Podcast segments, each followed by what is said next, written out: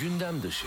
Mutluluk danışmanısınız bir de aynı zamanda. Çok güzel işler yapıyorsunuz Türkiye'de. Ne kadar güzel mutluluk danışmanlığı için size geliniyor. Mesela kimler geliyor daha ziyade size? Mutsuz çiftler mi geliyor yoksa e, yalnız kişiler mi geliyor? Belki 14 Şubat'a doğru e, ne olacak benim bu mutsuzluğumun hali falan diyenler mi geliyor? Kimdir e, genelde gelen hedef kitle? Ben kurumlara mutluluk danışmanlığı yapıyorum. E, Kurumlarda kurumlar da önce az ücret verip insanlara mutsuz edip sonra da size mi danışıyorlar nasıl mutlu edeceğiz bunları diye? Gündem dışı. Gündem dışı. Böyle birkaç tane çok tatlı arkadaşım süper bir falcı bulduk. İşte kadın her şeyi biliyor falan. Bunlar bu arada İngilizce işletme okuyan kızlar Tabii, sevgili tabii, tabii. dinleyenler. Oo neler var. Böyle ayağı aksayan bir gözü kapalı bir bayan içeriye giriyor beyaz saçlı. Abla içeriye girer girmez Semih kim diye bir soru sordu bana. O zaman Semih benim platonik takıldığım biriydi. Enteresan bir deneyimdi kısaca. Ondan sonra hiçbir falcı deneyimim olmadı. o sondu. Peki e, şu an aklımda olan e, ve bana neredeyse öyküyü bile unutturan dinleyicilerimizin de merakla beklediği soru. Semih Eyvah. ne oldu? Gündem dışı.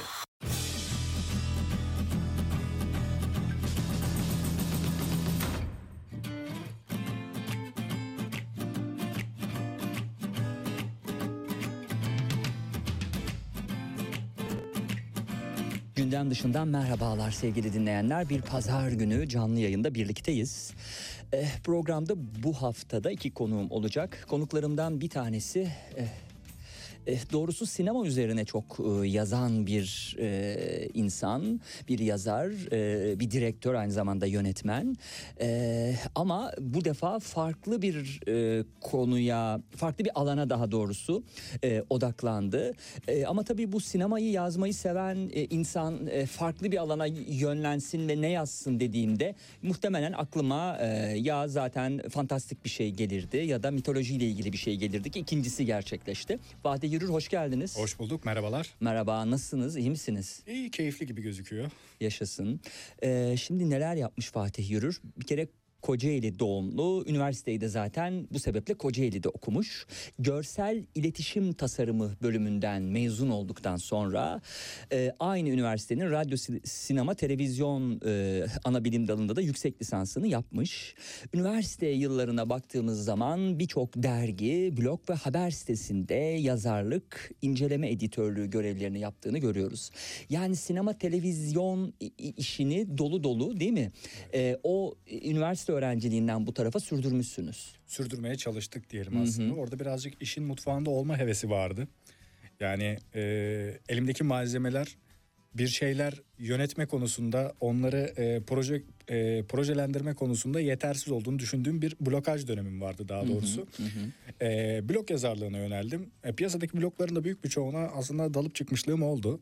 Çok fazla şey öğrendim bu blog yazarlığı serüveninde.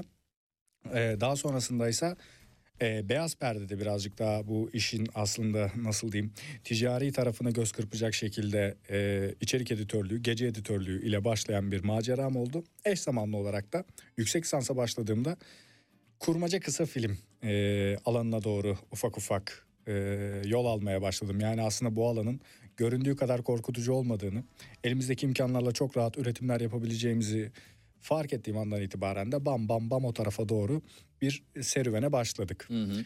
Ardından da belgesel yönetimi geldi. Evet. Şu sıralarda zaten ilerleyen dakikalarda konuşuruz muhtemelen. Milyon dolarlık afiş belgeselini bir şekilde izleyicilere Aman ulaştırma. ya Rabbi konuk bütün her şeyi sayıp döküyor sevgili dinleyenler. Hemen Sustum, araya sustum, girmem sustum, lazım. sustum, sustum. Daha biz şeydeyiz o yazdığınız bloklarda uzun metraj. Öteki sinema, sinemalar, filmlerim değil mi? Korku sitesi, sinematik Yeşilçam, Kahramanlar Sinemada gibi platformlardan da bir bahsediyoruz biz. Bu platformların ne yazık ki büyük bir çoğunluğu şu an yayında Kapandı. yok. Hmm. Yayını bitti yani öyle. Film söyleyeyim. arası dergisi için ama devam ediyor değil mi? Nitekim oraya düzenli dosyalarda hazırlıyorsunuz. Ee, yani film arası dergisine de aslında son 4 yıldır falan bir yazı yazmadım. Bir dosya talebi onlardan da gelmedi. Ben de çok fazla açıkçası işin hani sinema yazarlığı, blog yazarlığı kısmını terk ettim. Çünkü birazcık daha e, nasıl söyleyeyim e, araştırma geliştirme sürecinde daha kritik eksiklikler olduğunu düşündüğüm bir alan sinemada yazım alanı Türkiye'de. Burada boşluk gördüğüm noktaları kendi çapımda doldurmaya çalıştım diyebilirim. Hı hı. Tabii pek çok marka ve ajans için kurgusal fotoğrafçılık ve grafik tasarımcılığı da yaptığınızı görüyoruz. Hekim bu zaten lisans eğitiminde aldığınız iş. Diğeri yüksek lisansta yaptığınız iş. Lisans ve lisans üstü alınan eğitimler uygulamalı olarak e, profesyonel hayatınızda e, kullanılıyor. Bu bağlamda Gölge E dergi için uzun bir süre Rüya Adam adlı kurgusal karakterin senaryolarını kaleme aldığınızı görüyoruz. Ee, 2014 yılında kamera arkasına geçilmiş ve ilk kısa film Zemin Kat kısa film arenasına e, Fatih Yürür'ün adım attığı bir e, yapım olarak e, karşımıza çıkıyor. Evet, Nasıl ilk- bir te- tecrübeydi? 2014 yılında e, bu gösterildiğine göre muhtemelen 2002-2013 değil mi? 2002-2003, e, 2012-2013 Aynen. bunun tasarlandığı kısım.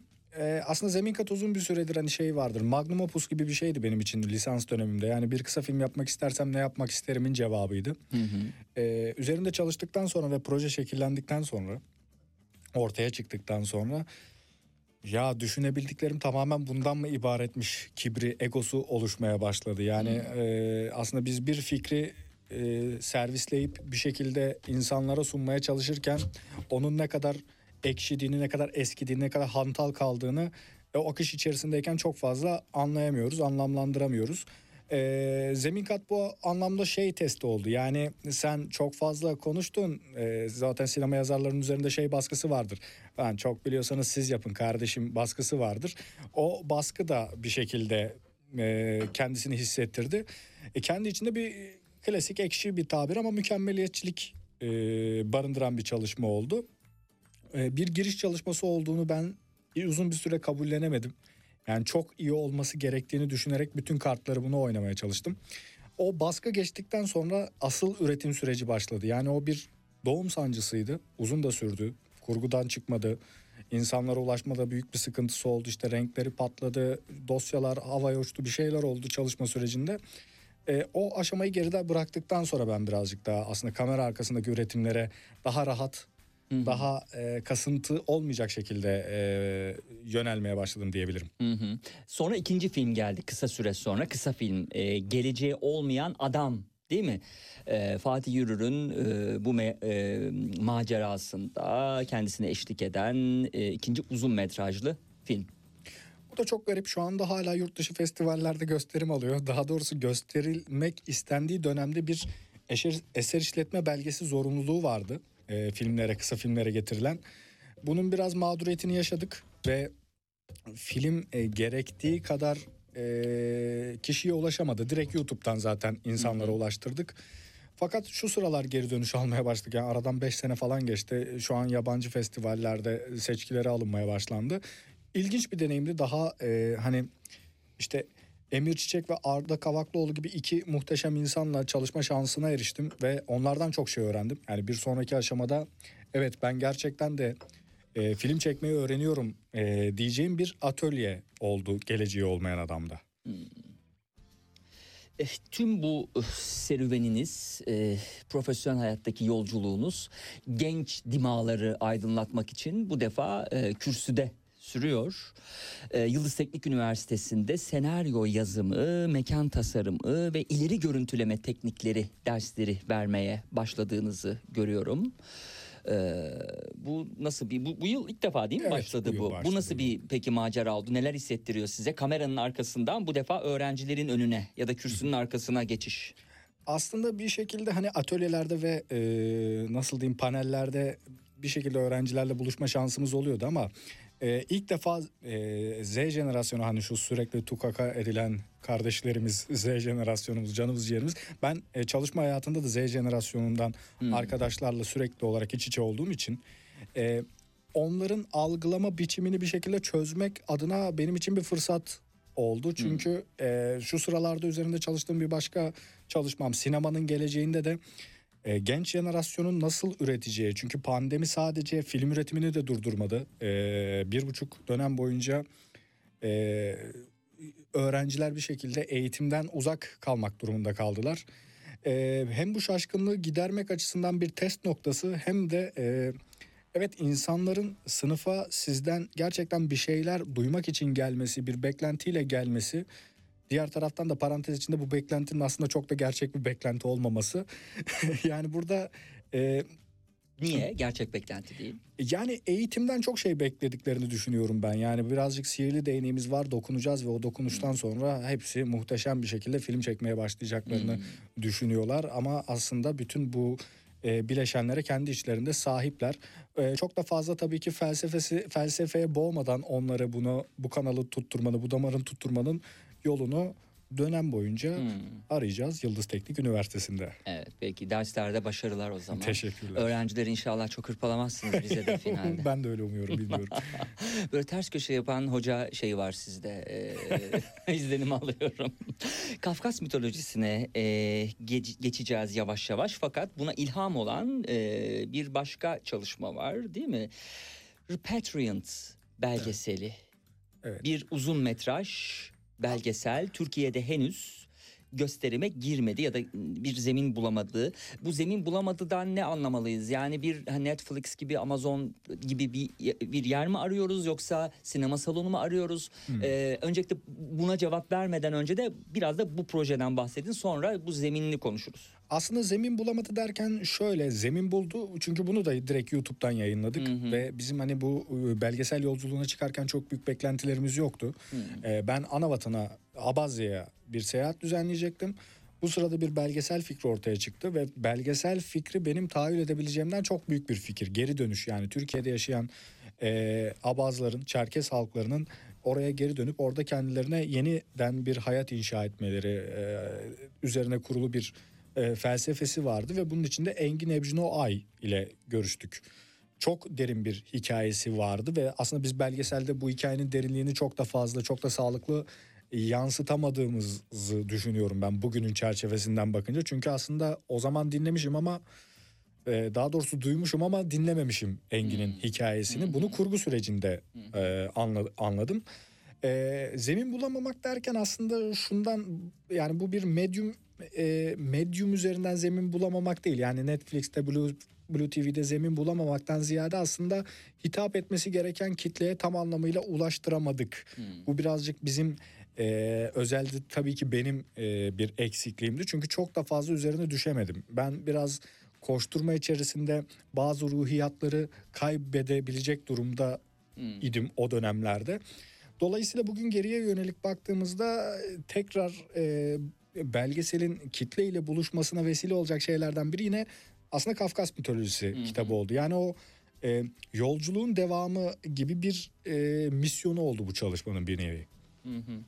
Ee, şimdi repatriant dedik ama e, Türkçe ismi belki ya da Türkçe'ye adapte olan ismi milyon dolarlık afiş değil mi? Ee, yok, Farklı orada- bir şey mi bu? Yok nedir? orada ka- isim karmaşası. Milyon dolarlık afiş başka bir proje. Repatriant geri dönüş anlamına geliyor. Zaten sadece sanırım repatriant olarak, repatriation olarak özellikle Ruslar kullanıyorlar bunu. E, O Çerkez e, yani diasporadaki ins- insanların e, Çerkez topraklarına geri dönmesini e, konu alan bir e, isim ihtiva ediyor açıkçası. Hı, Tabii o zaman birçok belgesel olunca karıştı. Karıştı, belki. YouTube'a Repatriant ismiyle e, şeye sinemalara hani milyon dolarlık afiş belki şeyle e, yapacaksınız diye düşündüm. O zaman bu milyon dolarlık afişten de bir bahsedelim. Burada anlatılan nedir? Aslında zemin bulamayan bu. Ee, şöyle bir durum Türkiye'deki e, afiş kültürü üzerine aslında kısa bir belgesel olarak başlayan fakat zaman içerisinde ulaştığımız isimler sebebiyle böyle 32 kişilik bir e, katılımcı var e, belgeselde. Fakat yine ardında low budget bir belgesel. Yani bir yapımcı Hakan Tunga Kalkan bir de hani geri kalan bütün teknik ve görsel detayları toparlayan Ben Deniz'in olduğu iki kişilik bir ekiple oluştu. Yani ardında tabii ki bu belgesele ilham olan ve destek veren herkes bu ekibe dahil ama teknik tarafında beni birazcık zorladı. Yani ben her ne kadar yönetmen olarak görünsem de aslında tek kişilik bir ordu vardı orada. Bunu hani e, egosal bir şeyle söylemiyorum. Gerçeği buydu. E, işte İbrahim Enez gibi Yeşilçam döneminin illüstratörlerinden e, Şahin Karakoç gibi Ömer Muz gibi hani bu Robocop'ların, Jaws'ların Türkiye afişlerini çizen usta çizerlere işte Özen filmin sahibi Mehmet Soyarslan'a kadar çok geniş bir kitle var afiş kültürüyle alakalı. Tabii bu bir süre sonra potpourri oluşturdu. Yani çok fazla elimizde 80 saatlik bir görüntü oluştu. Ve bunun sonucunda da bir saat pardon 2 saat 15 dakikalık bir uzun metraj belgesel çıktı ortaya. Şimdi bu belgesel de aynı şekilde e, yurt dışında pek çok yerde şu anda dolaşıyor ama ilginç bir şekilde Türkiye'de henüz daha gösterilemedi. Yani bir kitleye de gösterilemedi. Aslında buradan bir çağrı da yapabiliriz. Yani bu e, e, çok böyle tabii ki genel gösterim için uygunluğu tartışmalı bir belgesel. Hem e, e, ekipman dinamikleri açısından hem de tabii ki niş bir konu olması açısından. Ama e, Mesela Netflix'te de çok fazla Amerikan yapımı değil mi? Bu niş konuları esas alan belgeseller var belki. Hani e, öyle bir girişiminiz oldu mu o şekilde görüşen? Çünkü anladığım kadarıyla siz kamera arkasında çok iyisiniz, güzel işler yapıyorsunuz. E, fakat bunların gösterilmesi anlamında herhalde sizin YouTube kanalınız Retroville'e biraz yüklenmişsiniz. Retroville değil mi? Doğru Evet, söyledim. evet, Retroville. Retroville yüklenilmiş ama YouTube dışında belki hani başka bir ekip bir taraftan geri planda acaba bunlarla mı uğraşmalı bilemiyorum. Hani ne diyorsunuz E, tabii siz? olması gereken normalde o. Çünkü yani e, bunu biz sürekli tartışıyoruz. Şimdi e, işin nasıl olması gerektiğini biliyorum ama yapabilecek e, kondisyonu kendimde bulamıyorum. E çünkü e, o devam ederken hep diğer projeye odaklı, eş zamanlı yürütülen diğer işlere odaklı. Mesela öykülere odaklı belki biraz sonra konuşacağımız gibi. Dolayısıyla o- ona odaklanmamak çok e, tabii. Yani hani bütün bir şeyin de böyle bütün her şeyle de ben ilgileneyim diyemez yani bir direktörde. Evet aynı şekilde. Ben de öyle düşünüyorum. Ama e, beklenen bu oluyor genellikle. Sanırım hani işin tabii ki belli bir noktaya kadar getirme konusu sizin sırtınıza bindiği için arzı da sizin sırtınıza binmesi gerekiyor diye bir düşünce olabiliyor. Tabii ki biz yapımcı aradık bu arada. Yani gerçek bir yapımcı. Çünkü e, şu sıralar görüştüğümüz bir yapımcı ekip var. Hani belgeseli epizodik olarak insanlara ulaştırma fikri. Çünkü e, çalışmanın başından sonuna kadar çekimi, kurgusu, efektleri, şusu busu, altyazısına kadar her şeyle uğraştınca e, çalışmanın içinde kayboluyorsunuz. Dolayısıyla artık rasyonel olarak e, e, hakkaniyetli bir değerlendirme yapamıyorsunuz. E, bunu yapan, yapan bir ekiple biz de yolumuza devam edelim dedik. E, önümüzdeki süreçte hani bu çok hareketli ve hararetli bir süreç olamıyor çünkü e, farkındasınız yani pandemiden dolayı pek çok yapım e, rafa kaldırıldı. Her ekip kendi yapımını bir şekilde tekrar expand etme şeyinde. O yüzden birazcık sıramızı bekliyoruz. Yani çok da acelemiz yok ama birazcık yani kitle istiyor gözüküyor. Ama ben biliyorum yani bir genel gösterim yapıldığında o kitlenin yarısının gelmeyeceğini. O yüzden ben de çok fazla yaş tahtaya basmak istemiyorum açıkçası. Evet. Şimdi Fatih Yürür kurmaca yapmıyor. Çok yazıyor. Çok üretken bir yazar. Ee, ama hani sinema alanıyla ilgili yazıyor. Şimdi yazdıklarına bir bakacağız zaten. Tek mekanlık filmlerden başlayarak. Ee, sinema üzerine yazmayı seviyor. Öte taraftan e, Kafkas mitolojisi zaten bir hani kurmaca değildi. Ama kurmacadan tümüyle de uzak değil. Ee, bunun içine de daldı. Öyküleri hazır. Demiryolu öyküleri.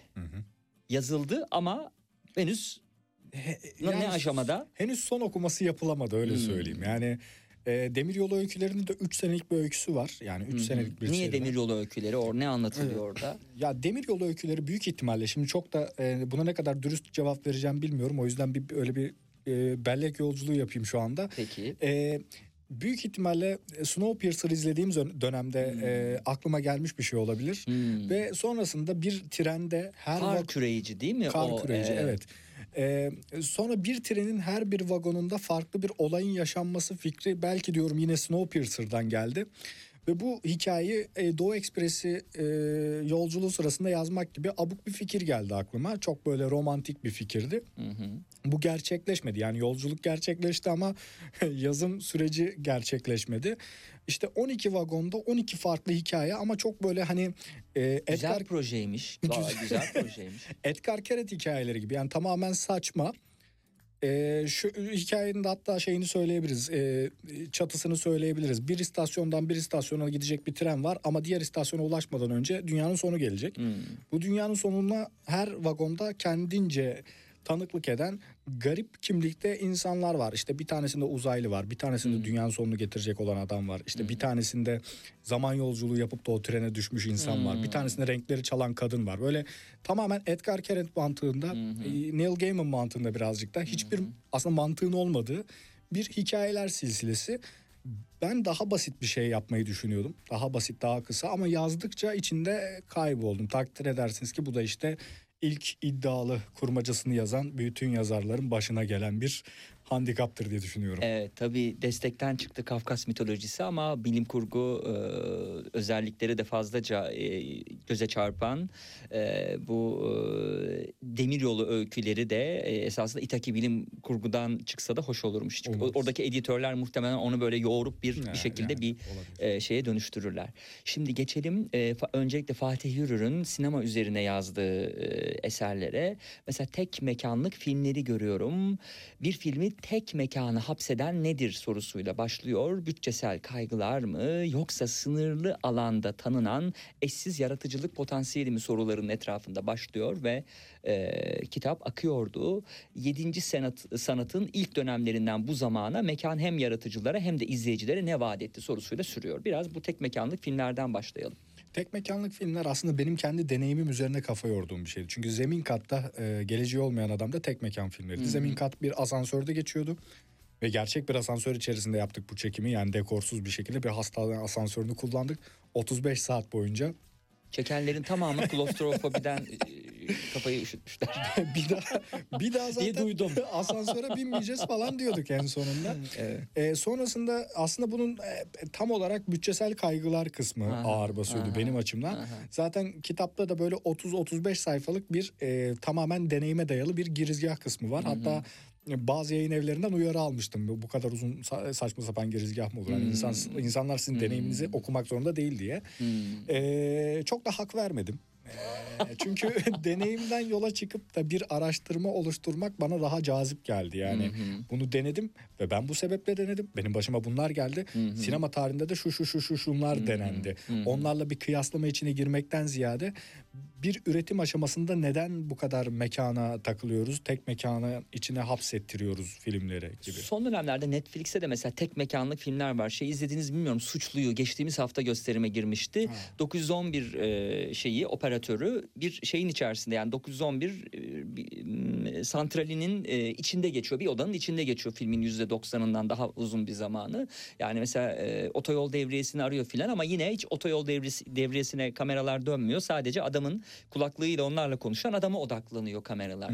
Bu tarz filmler yani sadece düşük bütçe li e, yani kısa metrajda da uzun metraj e, e, çekilen filmler anlamında değil herhalde. Netflix gibi büyük e, şirketlerin de e, sıklıkla e, kullandığı ve izleyicinin de sevdiği yapımlar. Mesela geçen hafta bir numaraydı Netflix içeriğinde. Şu an hani 2 3 yani yine şu an ilk onda se- seviliyor da bunlar bir şekilde. Tabii, tabii. izleniyor da. Yine pandemi döneminde platform vardı. Hatta platform için bölüm de yapmıştık. Sırf tek mekanlık filmler araştırması yapan biri olarak.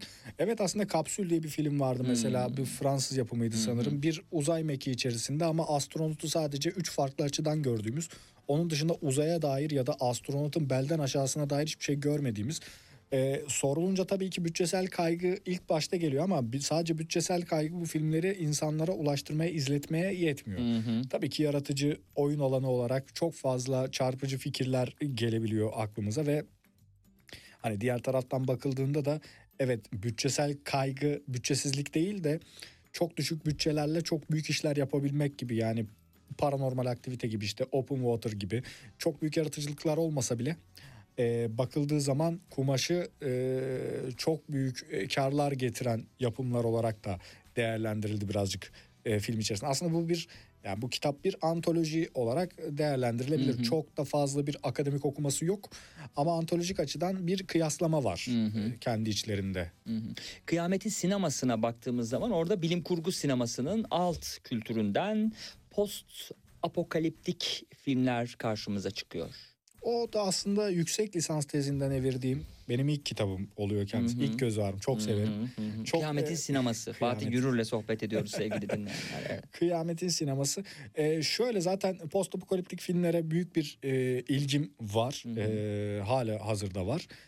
Ee, fakat e, kitap birazcık da bunun ardındaki siyasi dinamikleri yani tüm bu sinema dilinin aslında iki büyük gücün Rusya ve Amerika'nın birbiriyle olan çatışmasından doğduğunu e, ortaya koyan hipotezlerden yola çıktı ve bu korku aslında temelde işte e, 60'larda 80'lerde Reagan zamanında e, insanların genel olarak e, aynı zamanda Bush zamanında da insanların genel olarak bu yapıdan bu yapının çatırdamasından yıkılmasından duyduğu korkuya eğilip böyle anlatılar tasarladığına dair hipotezlere dayanıyordu. O açıdan birazcık akademik kalorisi yüksek bir kitaptı. Zaten bu kitaptan sonra da bir daha bu kadar akademik olarak insanları hırpalayacak şeyler yazmamaya karar verdim diyebilirim. İyi yapmışsınız. Yani yüksek lisans yazılıyor. Ondan sonra o tezlere de e, tez.yok.gov.tr'de kim ulaşıyor, kim ulaşmıyor belli değil ama hani genel okuyucuyla da buluşturma anlamında bu tarz bir gözden geçirmeler çok e, fevkalade bizim de önemsediğimiz zaman zaman da programda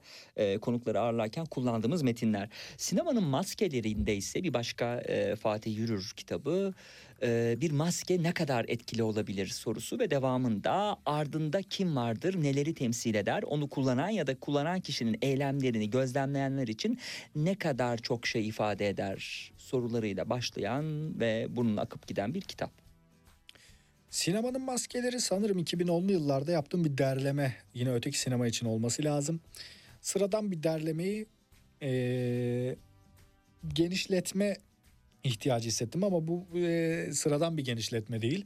Şöyle söyleyeyim eee, pandemi sürecinin hemen ardından hepimiz maske takmaya başladık ve artık dibimizdeki insanları bile çalışırken ofisimizde yanı başımızda yeni işe girmiş ama maskesini hiç çıkarmayan insanların eee, burnunun altının neye benzediğini bilmediğimiz bir sürece girdik.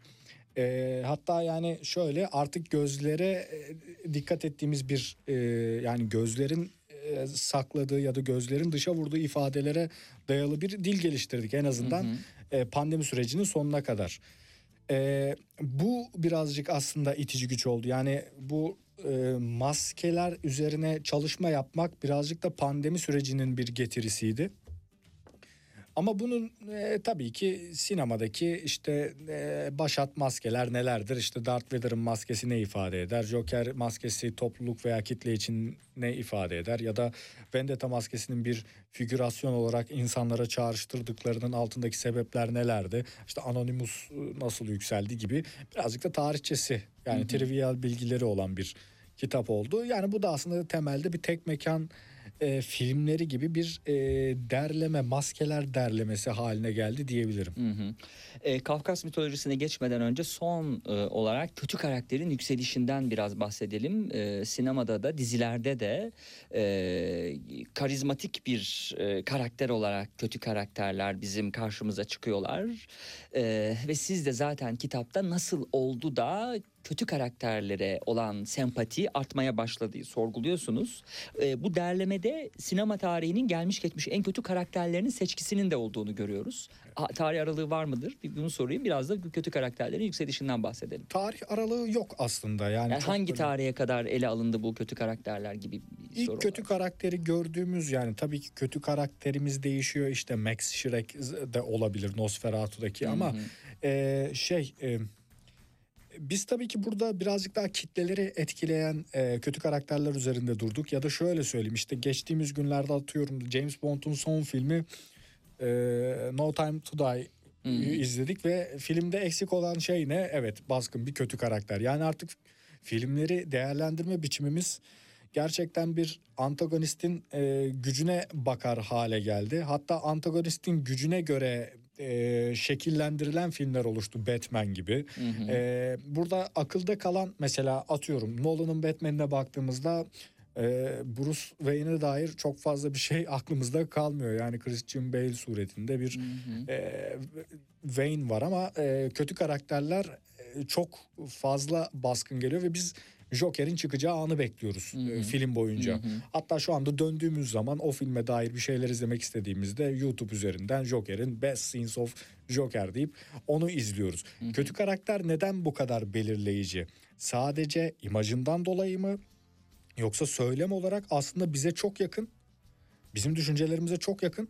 Ama bizim asla yapmak istemeyeceğimiz şeyler yapan insanlar. Yani bir buradaki özdeşleşmeye dair olabildiğince samimi bir e, aslında yolculuk olmasını planladık bunun diyebilirim. Evet. Ee, bu arada kulaklığınızı değiştirmek isterseniz hemen diğer kulaklığı temin ettik size. Bir soluklanırken e, ben de dalga kırana bir bakmak istiyorum. Ne zaman biter fırtına? Deniz durulunca mı? Sen limana varınca mı? Yazar da e, Canna, Cansu Canan Özgen de sizin gibi soru sormayı severek, soru sorarak başlıyor da seviyor anladığım kadarıyla.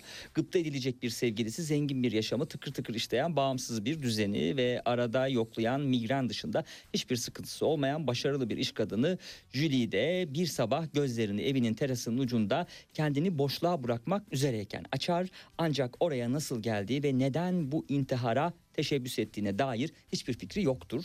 Dalga Kıran böyle bir e, bu şekilde başlayan bir roman e, Alfa yayınlarından çıktı. E, bunu da size hediye etmek istiyoruz. Teşekkürler. Evet.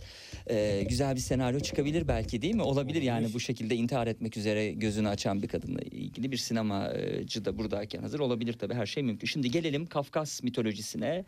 Ee, umudu olmayan atı koşmaz. Bir e, şey sözü mü? Ee, bir Kafkas. Bir Kafkas sözü. Kafkas söz değişi. Nart atasözü. Nart atasözü diyeyim.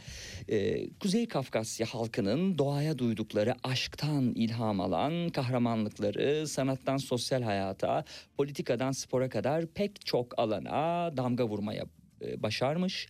Bugün bakıldığında Kafkas mitolojisine dair yapılan araştırmalar ve incelemelerin diğer mitolojilere, destanlara ve öykülere oranla biraz daha ihmal edildiğini ve nispeten atıl bırakıldığını söyleyebiliriz diyor Fatih Yürür.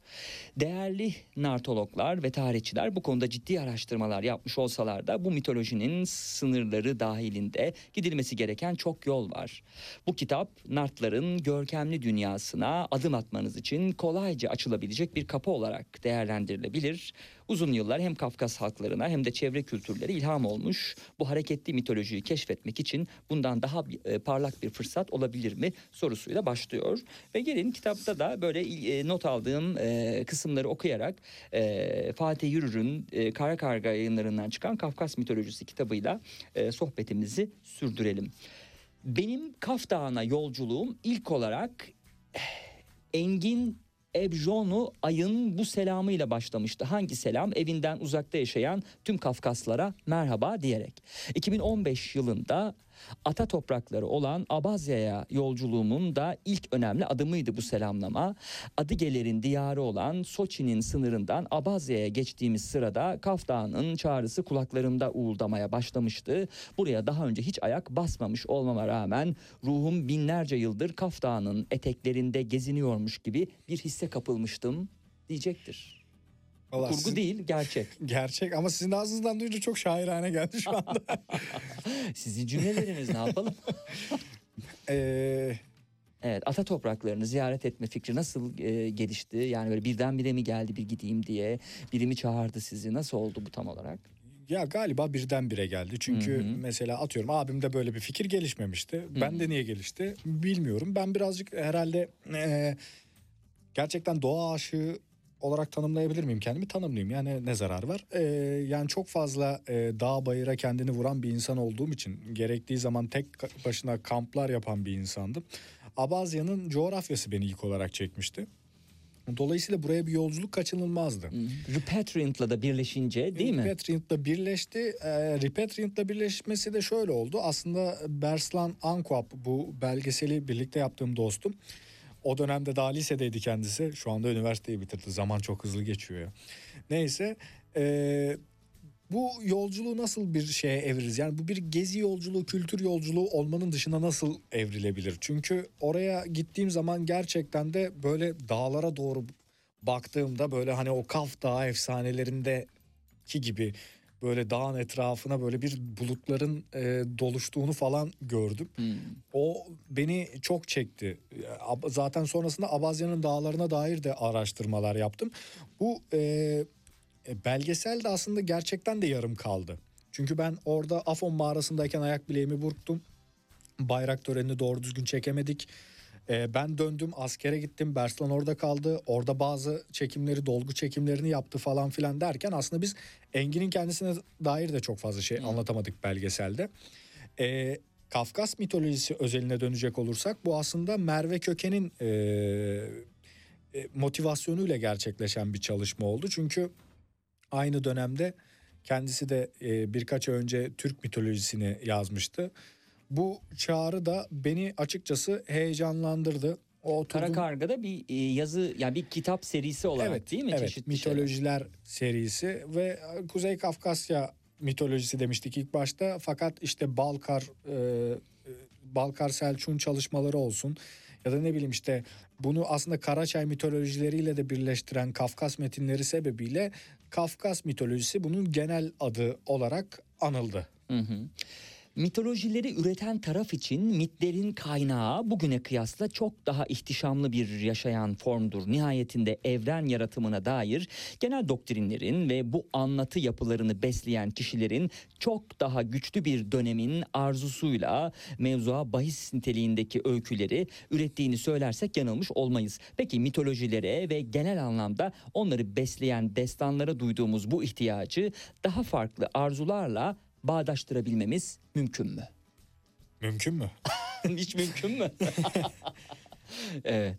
Yani e, Kafkas mitolojisini çalışırken benim e, genel olarak takıldığım nokta şuydu. Evet işte Balkar Selçuk, Ahdegeri Asker ya da ne bileyim işte Bagrat Şinkuba, Şinkuba gibi önemli yazarlar, nartologlar bu metinleri bir şekilde üzerine üfleyip ortaya çıkartmışlar ama metinlerin birbiriyle konuşması gerçekten çok zorlaşabiliyor. Özellikle farklı yani atıyorum bir Kabardey metniyle bir Abaz metni, bir Çerkez metni, bir Oset metni çok farklı şeyler anlatabiliyor ki isimler de zaten baştan aşağı kadar değişiyor. Ee, bu süreçte ben aslında birazcık da hikaye anlatımı kısmı burada girdi. Hani kurmacaya ısınmak mı diyeyim ne diyeyim. Bu metinleri e, kendi bağlamından kopartmayacak şekilde birazcık çeşitlendirme ya da ne bileyim e, köprüleri biraz daha e, inşa edebilme e, zemini buldum diyebilirim bu Hmm. kitabı çalışırken. Yani öyle tabii ki kafamdan metin ürettim değil ama işte A metni, B metni ve C metni farklı şeyler söylüyor ama özünde galiba şunu söylemek istiyorlar deyip bir e, inşaat, bir konstrüksiyon, bir mühendislik e, e, çalışması gerçekleşti diyebilirim orada. Evet Kafkas e, mitolojisi birçok e, kültürün birleşimi imiş. Bunu e, Fatih Yürür'ün e, kitabında şu cümlelerden anlıyoruz. Kafkas mitolojisi hiç kuşkusuz multikültürel kelimesinin her harfine baskı uygulayacak bir mozaik yapıya sahip. Bu yapısı da mitolojik metinlerin yeniden çözümlenmesi konusunda araştırmacıların önüne münferit engeller çıkartıyor. Öyle ki geçtiğimiz yüzyılın başına kadar nartların ön planda olduğu mitolojilere dair detaylı çalışmaların varlığından bile söz edebilmek mümkün değildi. Nart mitosları ve eposları hakkında arkeoloji çalışması yapılabilmesi için kolların sıvanması neredeyse 20. yüzyılın başlarını bulmuştur diye e, anlatacaktır. Buna ilişkin ekleyeceğiniz bir şey yoksa devam edelim aralarda. Mesela Nart Ateşi başlığıyla ilgili birkaç şey söyleyelim. Sonra e, Nart atasözleri de vardı değil mi sanki ilerleyen kısımda. E, kısmına şöyle bir bakıyorum. E, Kafkasya'da doğan mitler genel hatlarıyla Karaçay, Kafkas mitolojisinin yaratımı diye alt başlıklarda sürüyor. Kafkasya'da doğan mitlerden bahsettiğimizde karşımıza çıkan en yüksek olgu Nartları konu alan eposlardır. Peki Nart ne demektir? Diye soruyor. Ben de bu sorudan devamını getirmeden yazara söz veriyorum. Evet, Nart'ı Nart'ın e, anlamını öğrenmek benim için e, böyle bir araştırmayı yapan birine göre biraz e, belgeselle gerçekleşmiş bir şey diyebilirim. E, Bu arada bu belgeseli e, şu an e, tamamlanmadı ama mevcut haliyle na- yok yok belgesel YouTube'da tamamlan. var. Tabii, senedir var. Retroville, Retroville'de. Hayır, e, Fatih Yürür kanalında olabilir. Fatih Yürür. Retroville'de değil. Tamam. Repatriant adıyla ulaşılabiliyor her Tamam. yerden. E, şöyle bir durum var. E, Nart e, olgusu. Nart zaten savaşçı, büyük savaşçılara ama bu savaşçıların çok insani özellikleri yok, çok tanrısal özellikleri de yok. Aslında bu savaşçıların her biri birer Herakles gibi diyebiliriz. Ee, ve Nart mitolojisi genellikle aslında ateş üzerine kurulu e, bir mitoloji. Yani mitolojinin ana elementi ateş. Ee, ben ise Nart mitolojisi üzerine çalışmadan önce hep bu mitolojiyi şeyle bağdaştırdım. Bu Game of Thrones'ta duvarın diğer tarafındaki bu devler mevler falan. Çünkü e, devler Nartların en büyük baş belası mitolojide.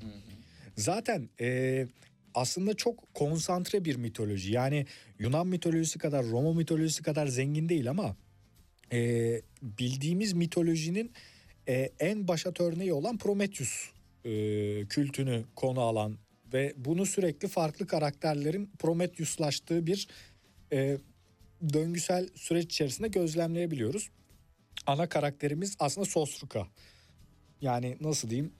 Bu mitolojide kahramanlık da Sosruka'da, kötülük de Sosruka'da yani mitolojinin şeyi e, her şeyi haline geliyor. Bu, bunun aslında etrafına, bunun e, hareketlerinin e, e, yani şöyle söyleyeyim Star Wars'ta Anakin Skywalker neyse Kafkas mitolojisi içinde Sosruka öyle bir karakter. Yani içerisinde bu karakterin içerisinde e, masumiyet de var, kibir de var, kıskançlık da var, işte hasetçilik de var, e, egomanyaklık da var ama diğer tarafta çok masum bir iyilik de var. Ve bunun hepsini farklı farklı açılardan görebiliyoruz mitolojinin arkeolojik kazısını yaptığımız süreçte. Nart destanları diyorsunuz temelde Çerkez anlatılarının tamamını kapsamakla birlikte İsa'dan önceki çağlardan bugüne kadar Kafkasya boylarının dilinde, müziğinde ve sanatında derin bir yer edinmiş. Anlatıların başlangıç noktasını saptayabilmek oldukça zor olsa da derinlemesine incelediği, incelendiğinde bu e, oluşumların bütün etkileşim noktalarını yaklaşık değerlerde gözlemleyebilmemiz mümkündür diye sürdürecektir. Siz bunu bilimsel bir çalışma gibi de yani yarı bilimsel bir çalışma gibi de belki kaleme aldınız değil mi? Çünkü kaynakça kısmına baktığımız zaman atıfta bulunduğunuz ya da ne bileyim hani falanca yazara göre diye sürdürdüğünüz anlatımlar da var. Tabii tabii öncesinde bir yol haritası çizdik. Hani o konuda da yine Merve Köken'in de çok güzel yönlendirmeleri oldu. Çok güzel kaynaklar buldu bana. Ama e, ya tabii ki bilimsel e, ya da atıfsal anlamda zengin olması gerektiğini düşündüm. Çünkü öncül çalışmalar, e, faydalandığımız çalışmalar gerçekten de e, mitolojinin ABC'sini, seceresini ortaya e, başarılı bir şekilde döken. Çünkü onların bu çalışmaları yaptığı sürede böyle atıflarda bulunabilecekleri öncül çalışmalar yoktu. Mitosların ve eposların temelinde totemizm ve animizm yönelimlerinin izlerini görmek mümkün. Nartlar özellikle doğa, yaban hayvanları ve çiftlik hayvanlarına değer veren bir topluluktur. Bütün bu unsurların kendilerine has ruhlar taşıdıklarına inanmaktadırlar. Bu sebeple doğayla iç içe kozmosun sunduğu her türlü imkana minnet duyan bir ahlak anlayışıyla hareket etmektedirler diye sürdürüyor. Evet yani Naviler gibiler bir taraftan ya da ne bileyim Navajolar gibiler ya da eski Türkler gibiler.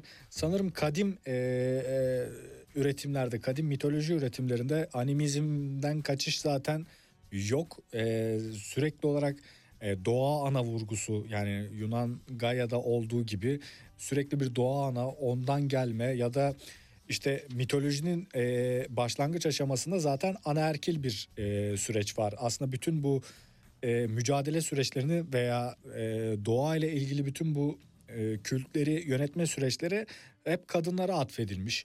Sosruka karakteri aslında burada bir e, şeyi yıkıyor. Yani kadına atfedilen o anaerkilliği sona erdirip e, ataerkil bir düzenin gelmesi anlamına geliyor son ortaya çıkışı ki zaten mitolojide bütün bu kehanet de veriliyor aslında en başta. Yani işte yine tıpkı Star Wars'taki gibi Lord of the Rings'teki gibi yani bu modern mitolojilerde olduğu gibi bir e, kehanet var ortada. Bu kehanete ABC'si mitoloji boyunca gerçekleşiyor. Yani ne zaman kim kimi öldürecek, kim ne yapacak bunlar biliniyor. Ama kimse kaderine karşı çıkmıyor diyelim. Üç farklı dünya olduğunu görüyoruz. Evet. Kitabı okuduğumuzda Nart mitoslarında üç farklı dünya var. Bunların merkezinde Harama Uaşa'nın yer aldığı ve Nartların yaşadığı Nart ülkesi bulunuyor. Bir diğer dünya ise Pişoe Goeşe'nin değil mi? Doğru telaffuz ettim mi Goeşe. acaba? Hakim olduğu sular ülkesi. Sular ülkesiyle Nart ülkesi pek çok açıdan sıkı birer komşular ve birbirlerinden çok sıkı sınırlarla ayrılmazlar. Yine de farklı kurallar çerçevesinde yönetilir ve farklı ritüellerle beslenirler. Mitoslarda karşımıza çıkan üçüncü dünya tasviri de ölülerin geçiş yaptığı ölüler ülkesi. Yani klasik bu da bildiğimiz Roma, Latin, Hint. Zaten aslında Hint e, metinlerinin bir şekilde ya da işte Pers metinlerinin bir şekilde Kafkasya'ya taşınmasından dolayı zaten çok da fazla bağımsız değil. E, ki zaten e, Promete karakteri de var bu arada Kafkas mitolojisinin içerisinde. Yani tam arada kalmış bir mitoloji. E, zaten Harama Oaşa Kutsal Dağ, Elbruz Dağı, bugünkü Elbruz Dağı olarak anılan yer. E, işte zaten Olimpos'un e, şey muadili haline geliyor. Yine e, tanrılar olmasa bile büyük Nart savaşçılarının e, yer aldığı bir dağ. Ama burada e, çok e, garip bir ikilik var. Yani mitolojide Nart olarak savaşçı olarak geçilen bir e, anti hiyerarşik bir durum var. Ama diğer taraftan da bunlar tamamen tanrısal varlıklarmış gibi adediliyorlar ve bir tane de tanrımız var zaten en tepede. Ve a, yine hani ona isyan etmeler, yine düzen getirmeye çalışmalar. Burada tanrılara isyan e, büyüklere isyan olarak da okunabiliyor. Ki Sostruka sürekli isyan ediyor Hı. zaten durmuyor yerinde bir türlü sürekli yani eşitlik yani durduk yerde eşitlik meşitlik istiyor sürekli. Ee, yani aslında kendinden önceki sisteme duyduğu bir e, isyan olduğunu okuyoruz ama bazı metinler bunu yine tanrılara isyan olarak bize getiriyor önümüze. Bazı metinlerde büyüklere ya da yerleşik düzene ya da işte anaerkil düzene yani zaten Sosruka için herhangi bir şeye itiraz etmesi e, yeterli. Yani bir şey olsun da itiraz edeyim modunda bir karakter olarak tasarlanmış. Ee, tanrılarla peki arası nasıl? Bir tanrı inancı anlamında. Çünkü kitabı okuduğumuz zaman şunu görüyorum. Savaşçılardan tanrı olarak bahsediyor. Yani askerlerden değil mi? Doğru anlıyorum. Tanrı olarak bahsediyor. Mu? Doğru mu anlamışım ya da? Aslında şöyle e, burada cüceler var. Cücelerin e, iki şekilde okunuyor cüceler. Ya normal insanlar yani Nard savaşçılarının yanında vasıfsız kalan sıradan insanlar ya da gerçekten bir, de cüce ırkından da bahsediliyor. Şimdi bu, bu, bu karmaşa da aslında e, hali hazırda şey e, çözümlenmiş bir karmaşa değil. Bu da yine multi e, linguistik Hı hı. olarak bizi zorluyor. Yani bazı kültürlerde evet tanrı eşittir nard ama bazı kültürlerde çok büyük savaşçılar, çok nitelikli savaşçılar eşittir nard olarak. Ve zaten sonra bu nard savaşçıları nard ülkesi dağıldıktan sonra insanlara öğretme. Yani insanların öğretmeni olma, onlara rehberlik edip vazifelerini tamamlayıp sanki işte onlar da birer elf gibi, elflerin orta dünyayı terk etmesi gibi onlar da bir şekilde Nart ülkesini artık terk edip dünyanın belli yerlerine dağılıyorlar. Hmm. Savaşçılar tanrı ama bir de baş tanrı var değil mi? Taha. Evet. Evet. Zaten bazı Nart savaşçıların önünde de Tıha eki oluyor. İşte Tahalek. Ha birden fazla baş tanrı var yani. Yok Kafkas işte onlar Nart aslında. Ee, burada da çok karışacak olay. O- yani aslında Tanrı'dan el almış karakterler olabilir. Hmm. Öyle öyle okusak daha doğru olabilir daha doğrusu. Hı. Tabii olabilir diyoruz. Bunun sebebini başta konuştuk. Ee, kazı yapmak yani bir arkeolojik kazıdan bahsetmiyoruz. Mitolojik mitolojiye dönük bir kazı yapmak, araştırma yapmak 20. yüzyılın başlarını bulmuş zaten. Öncesinde yazılı bir metin e, olmadığı için de e, varyasyonlu cevaplar verilebiliyor ve varyasyonlu konuşulabiliyor. Olabilir diye sevgili dinleyenler. Evet başka neler vardı? Mesela Nart soyları vardı. Bugün başlıca Nart soyları hakkında net bir fikir birliğine varıldığından söz edebilmek mümkün değil e, diye sürdürecek. Nart soyları ile ilgili de mesela Goazes soyu, Alek soyu diye e, araştırmasını yapmış e, kitabında e, Fatih Yürür. Peki bundan sonra elinizde ne proje var, ne planlıyorsunuz? Yine bir mitoloji var mı? Yoksa mitoloji sayfası kapandı mı? Bununla ilgili başka bir şey çıkacak mı? Aslında mitoloji şöyle e, o coğrafyaya gidip araştırmak. Yani bu çünkü pandemi sürecinde oluşan bir çalışma. Çok da fazla hani e, elimizdeki kaynakların e, taramasını yaptık, kütüphane taraması yaptık ama e, gidip de oradaki hikayeleri ya da hikayelerin oradaki insanlara anlatılma biçimini e, çözümleyecek bir e, çalışma e, ol- olursa daha iyi olacak. Yani bu zaten bu çalışma bir giriş kapısı ama bunun devam etmesini istiyorum. Onun dışında dediğim gibi sinemanın geleceği adlı bir çalışmam var. Daha yeni noktasını koydum birkaç hafta önce. Yani önümüzdeki yüzyılda sinemanın durumu ne olabilir? Orada da onu birazcık sorguluyoruz. Ee, yani e, dahil olabilir, deneyimlenebilir yeni sinemasal anlatılar mı? Yoksa büyük sinema salonları geri mi dönecek? Yoksa hepimiz Netflix'e teslim olup önümüze ne gelirse onu mu izleyeceğiz? Hani bunları birazcık daha mesafeli bir şekilde araştırmaya çalıştığım bir çalışma var. Bunun dışında e, sinema hakkında araştırma olayının bittiğini düşünüyorum kendi açıma ya da en azından Nadas'ta kalacak kurmaca dünyasına geçiş yapmak istiyorum ilelebet. Fatih Yürür teşekkür ederiz programa teşekkür katıldığınız için. ederim. Bir saat bitti. Fatih Yürür'ün yaptığı e, birçok şeyi konuşmaya çalıştık ama ne mümkün. Çünkü eş zamanlı olarak kafası çok dolu.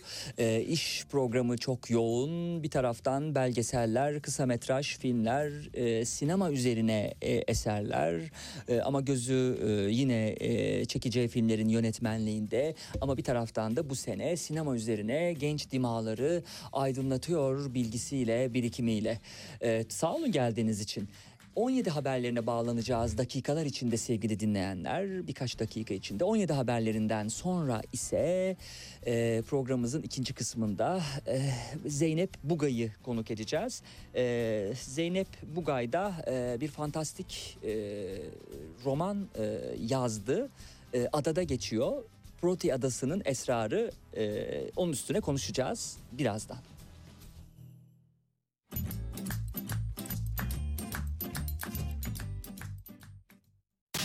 Gündem dışı. tok karnına yapmazlarsa. Hmm. Çünkü diyaframla çalışacakları için en azından bir, bir buçuk saat önce bir şey yemiş olsunlar ya da boş mide Aa, olsun. dinleyiciler de artık nefes almayı kusmadan becersinler. Bence de. İkinci egzersiz köpek nefesi. Böyle Ah, çok onu koşmuş da hatırlıyorum koşmuş kitapta. hatırlıyorsunuz değil mi? Değil mi? dil dışarıda. ha, dil dışarı. Evet evet ama yine böğrünüze Köpek koyun. oldum sizin için sevgili dinleyen. El, el böğürde pardon. El böyle. Daha seri yapın bunu.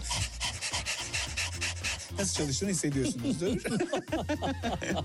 Keşke görsel de olsa da bir Ay görseler bizi de. yapmayın iyi ki yok. Bunu mesela Bunun İtalyanca adı neydi? Staccato. Staccato. Sta- kesik kesik demek. E, bunu mesela e, kesintisiz olarak bir dakika boyunca yapmak baş dönmesine sebebiyet verir. E, Hmm, çok fazla oksijen Çok fazla oksijenden dolayı çok fazla oksijen alkol etkisi yaratır. Radyo televizyon kurulu için zorunlu uyarı. Çok fazla nefes almayın. İhtiyaç olmadıkça nefes al. işte Facebook'ta orada burada hani yaşlı dedeler komik bir müziğin altında zıplıyor çok eğlenceli gibi görünüyor zannedebilirler ama zikir çok doğru bir şeydir. Denesinler. Hayır o yaşlı amcaların videosu var ya bir tane böyle çılgınca dans ettikleri Evet, böyle evet, o geldi aklıma da Ama onu o deneme. doğru bir şey. Öyle mi? Evet doğru Ah, bir şey tabii. Peki. bir gün deneriz sizin ne istiyorsanız. Serhat Sarı Sözen'le gündem dışı her pazar saat 16-18 arası RSFM.